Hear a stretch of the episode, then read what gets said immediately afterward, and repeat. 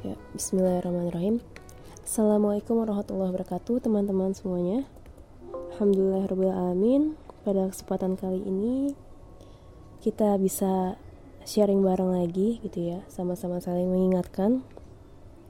Dan juga alhamdulillah lagi karena kita masih diberikan nikmat sehat walafiat gitu ya, nikmat iman, nikmat Islam gitu oleh Allah Subhanahu wa taala. Karena uh, di luar sana gitu banyak sekali orang-orang yang belum tentu bisa merasakan nikmatnya iman, nikmatnya Islam gitu ya, nikmat sehat gitu. Tapi kita alhamdulillah menjadi orang yang terpilih untuk merasakan nikmat-nikmat itu.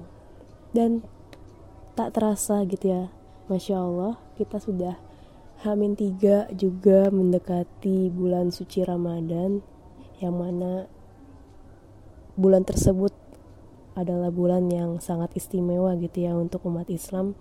Karena nanti kita akan bahas gitu ya apa aja sih keistimewaan keistimewaan keistimewaan dari bulan suci Ramadan gitu. Sehingga kenapa kita harus menyambut bulan Ramadan itu?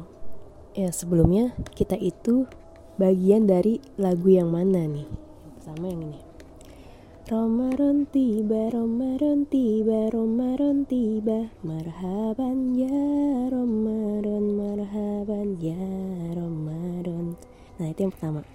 Yang kedua kayak gini tapi Ramadan tiba, Ramadan tiba, Ramadan tiba Tiba-tiba Ramadan, tiba-tiba Ramadan Nah, emang bedanya apa sih lagu yang pertama eh bukan lagu sih maksudnya lirik yang pertama sama lirik yang kedua. Kalau lirik yang pertama kan marhaban ya Ramadan kan? Yang kedua tiba-tiba Ramadan. Kalau marhabannya Ramadan kan berarti kita menyambutnya dengan sukacita dong. Uh, dengan penuh persiapan gitu kita menyambutnya. Dan juga uh, dengan semangat yang buga-buga lah kita menyambutnya gitu kan. Gimana sih marhaban ya Ramadan gitu tapi kalau yang kedua tiba-tiba Ramadan. Berarti kan di situ ada apa? Ada bentuk kayak keterkagetan gitu. Kita eh, tiba-tiba Ramadan gitu. Yang mana uh, kita nggak ada persiapan gitu untuk menyambutnya. Kan namanya juga tiba-tiba gitu ya. Tahu-tahu eh udah hamil lima. Enggak misalkan kemarin dari jauh-jauh hari deh kita udah ngitung countdown. Misalkan dari hamil 50 Masya Allah ternyata tiba-tiba udah hamil 50 Ramadan ya gitu. Sedangkan kita sebelum-sebelumnya itu nggak mempersiapkan uh, amalan-amalan atau latihan-latihan yang nantinya kita akan laksanakan di bulan Ramadan gitu. Walaupun ya ibadah tuh emang harusnya yang gak gencar di bulan Ramadan doang ya. Tapi kan emang yang udah kita ketahui bahwa bulan Ramadan ini sangatlah istimewa gitu ya. Di mana nanti ada banyak amalan-amalan kita yang akan dilipat gandakan ketika kita melakukannya di bulan tersebut gitu. Nah, mudah-mudahan gitu ya kalau misalkan sekarang belum mempersiapkan diri untuk menyambut Ramadan, mudah-mudahan di waktu yang tersisa ini kita termasuk orang yang mempersiapkan diri gitu untuk menyambut bulan suci Ramadan. Walaupun sekarang uh, Hamin 3 ya, Hamin 3 Ramadan, it's okay. Kita bisa membuat targetan-targetan atau membuat pemanasan-pemanasan yang pada akhirnya kita bisa lakukan di bulan suci Ramadan. Nah, sebentar lagi kan kita mau memasuki bulan suci Ramadan ya, insya Allah kalau Allah izinkan. Gimana perasaan teman-teman? Bergembira kah? Harus bergembira ya. Kenapa? Karena Masya Allah gitu bulan Ramadan ini uh, bulan yang sangat istimewa gitu ya ada gitu teman-teman yang nggak gembira atau ya biasa aja. Kayak bulan-bulan biasa gitu sampai saat ini. Berarti mungkin teman-teman harus tahu beberapa keutamaan di bulan suci Ramadan ini.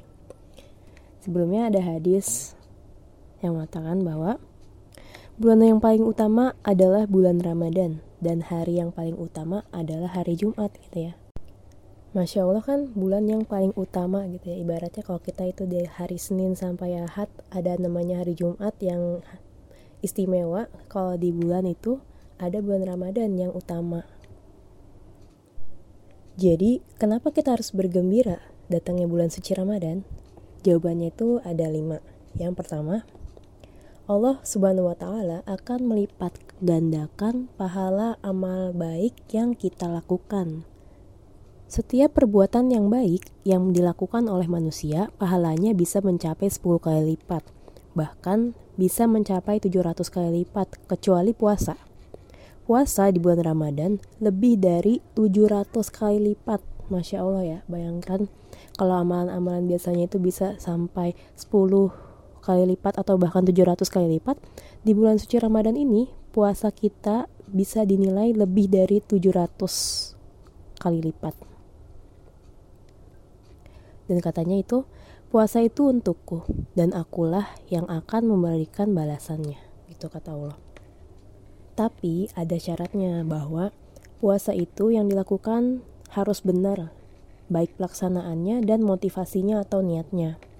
Oleh karena itu, di ujung hadis itu dikatakan, dia tinggalkan syahwatnya dan makan dan minumnya di siang hari semata-mata karena Allah Ta'ala. Jadi dia itu puasanya ya karena Allah gitu ya, bukan karena dilihat orang lain gitu, atau karena malu.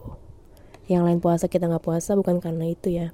Jadi kalau memang mau benar-benar amalan kita itu sempurna di bulan ini, puasa kita diterima sempurna oleh Allah, ya kita harus melaksanakannya dengan baik gitu ya dengan benar dan juga motivasi atau niatnya itu harus karena Allah gitu singkat apa kita perbaharui lagi niat-niat kita gitu ya. Kalau misalkan ada niat-niat yang belum karena Allah. Oke. Okay? lalu yang kedua Ramadan menghapuskan segala dosa dan kesalahan-kesalahan kita. Masya Allah. Karena ada hadis yang mengatakan bahwa Barang siapa berpuasa Ramadan karena imannya kepada Allah dan hanya mengharapkan ridhonya, niscaya akan diampuni dosa-dosanya yang telah lalu, gitu ya. Jadi kalau misalkan kita berpuasa karena beriman kepada Allah dan hanya mengharapkan ridho Allah gitu ya, bukan mengharapkan ridhonya manusia gitu ya, mengharapkan dipuji oleh manusia atau malu karena teman-teman pada puasa itu bukan niatnya. Jadi Baik lagi tadi yang pertama gitu ya, motivasi kita itu harus benar supaya kita bisa dapat poin nomor dua ini, bisa diampuni segala dosa kita gitu ya. Pasti kita semua punya dosa kan, pasti gitu. Setiap hari juga bisa jadi kita melakukan dosa-dosa gitu ya, tanpa kita sadari maupun yang kita sadari. Nah katanya bukan saja puasanya, bahkan aktivitas-aktivitas yang sunnah dapat pula menghapuskan dosa-dosa kita.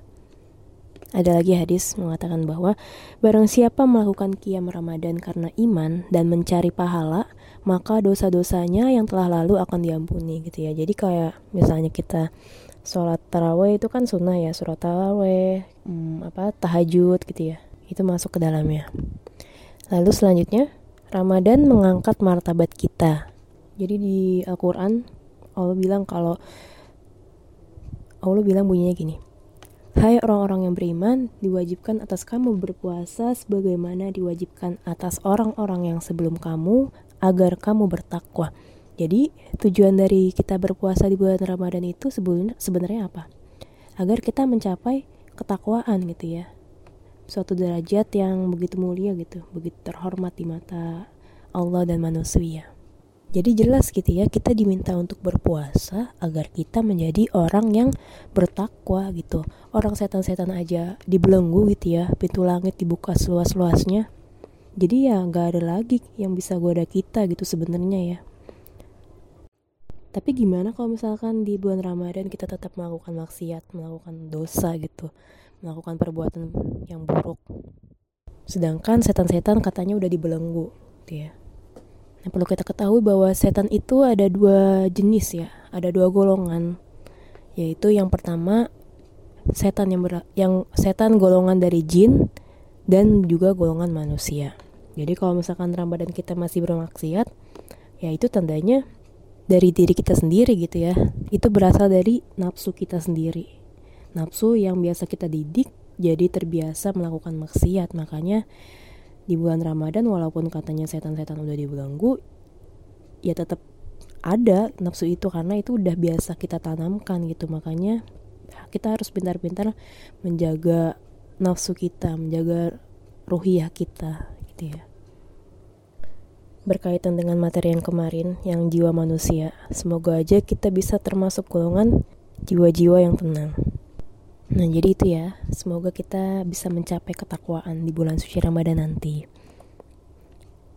Yang keempat, malam Lailatul Qadar. Di Al-Quran dikatakan bahwa malam Lailatul Qadar itu nilainya di sisi Allah lebih baik daripada seribu bulan. Seribu bulan itu 83 tahun 4 bulan. Dia bisa melebihi umur kita manakala kita bisa mengisi malam itu dengan ibadah. Maka nilai ibadah itu demikian besarnya. Bayangkan ketika datang malam Lailatul Qadar itu kita lagi berdekat-dekatan dengan Al-Quran. Kita lagi berdekatan dengan Allah gitu ya. Kita lagi berzikir gitu. Dan akhirnya kita mendapatkan malam seribu bulan ini gitu ya yang mana ibadah kita terhitung dengan seribu bulan yang 83 tahun itu.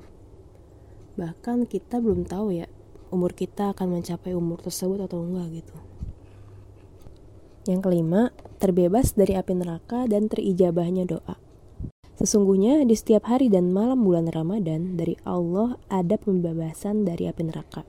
Dan bagi setiap muslim ada doa yang jika ia berdoa dengannya maka akan diijabah gitu ya. Dan juga ada hadis lagi yang berbunyi seperti ini, ada tiga doa yang tidak tertolak. Yang pertama doa pemimpin yang adil, yang kedua doa orang yang berpuasa sampai ia berbuka, yang ketiga doa orang yang terzolimi gitu ya. Masya Allah. Nah, itulah jawaban kenapa akhirnya kita harus bahagia menyambut bulan suci Ramadan karena ada lima keistimewaan itu yang akan insya Allah kita bisa raih. Namun, tidak semua orang otomatis mendapatkan janji-janji itu.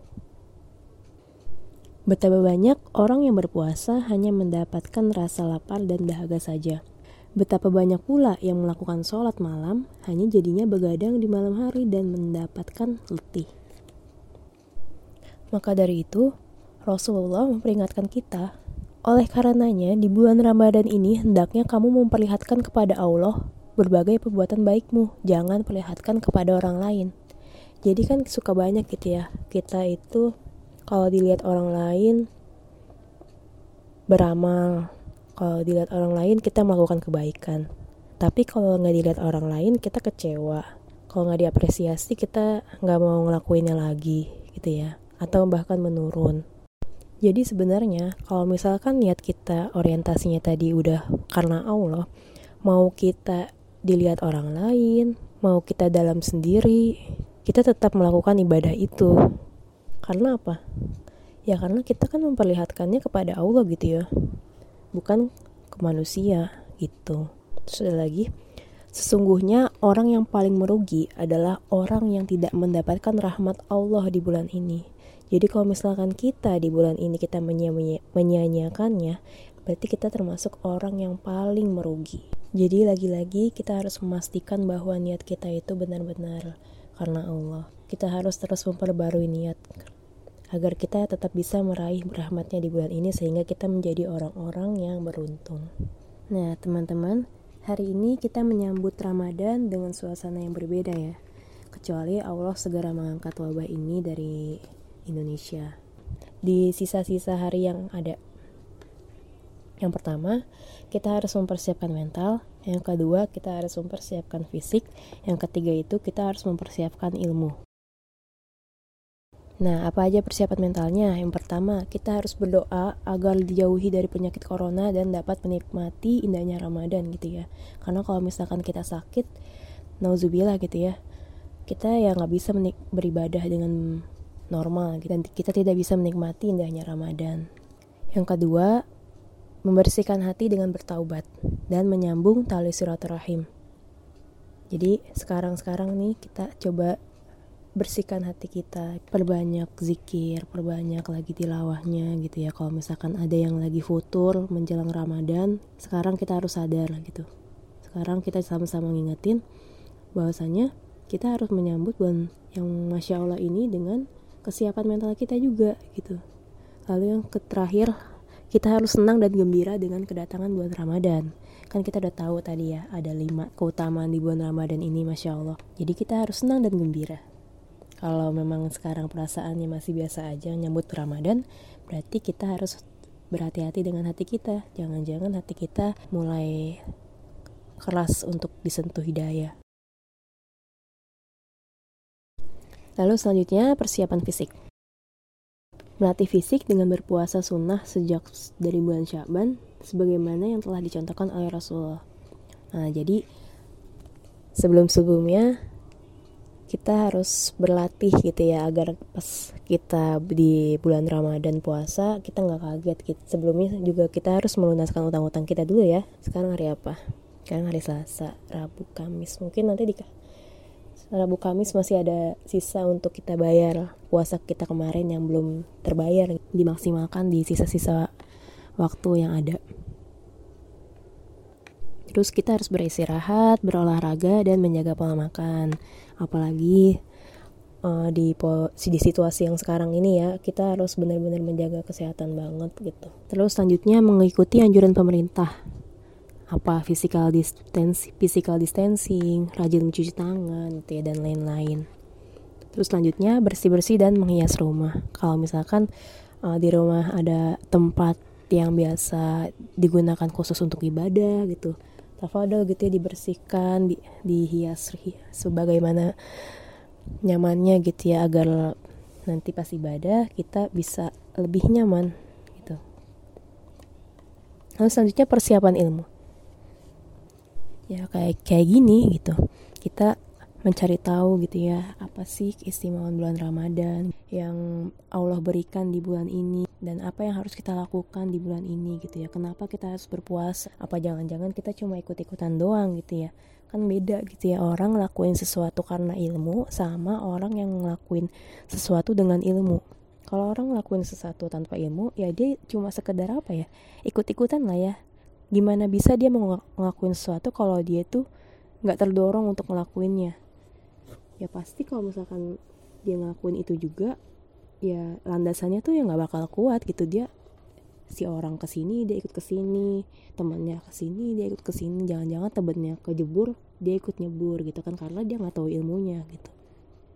Hanya sekadar ikut-ikutan. Semoga aja setelah kita mengetahui keutamaan-keutamaan yang tadi kita nggak termasuk orang yang hanya ikut-ikutan. Nggak hanya nggak termasuk orang puasa malu gitu dilihat orang orang-orang pada puasa kita nggak puasa puasa aja jadi bulan Ramadan ini adalah bulannya sabar bulan sabar itu pahalanya adalah surga Bulan Ramadan ini adalah bulan santunan. Bulan Ramadan ini adalah bulan ditambahkannya rezeki orang-orang yang beriman. Barang siapa yang memberikan makanan kepada orang lain untuk berbuka, maka dia akan mendapatkan pahala seperti orang yang makan makanannya itu. Nah, jadi sampai sini dulu materi kita hari ini. Semoga bisa bermanfaat gitu ya dan juga bisa menambah semangat kita untuk menyambut bulan suci Ramadan. Karena lagi-lagi kita termasuk orang yang beruntung gitu ya apabila nanti kita dipertemukan dengan bulan suci Ramadan. Jadi, kita jangan menyia-nyiakannya dengan perbuatan yang tidak bermanfaat atau yang sia-sia. Jangan bulan Ramadan hanya kita isi dengan rebahan gitu udah udah mah libur kuliah lockdown kuliahnya juga nggak begitu banyak banget tugasnya gitu ya misalnya ya udah di rumah. Uh, lagi nggak puasa aja rebahan terus apalagi ini lagi puasa gitu ya. Dan juga ada hadis pernah bilang kalau tidurnya orang puasa itu pahala. Tapi ternyata hadis itu dengar-dengar itu hadis doif ya. Jadi kita tidak bisa menjadikan hadis itu sebagai alasan kita rebahan bermalas-malasan di rumah saat bulan suci Ramadan dan juga pada saat kondisi sedang corona ini. Semoga kita bisa sama-sama untuk mengikhtiarkan amalan-amalan terbaik kita gitu ya untuk di bulan suci Ramadan nanti. Oke, Assalamualaikum warahmatullahi wabarakatuh.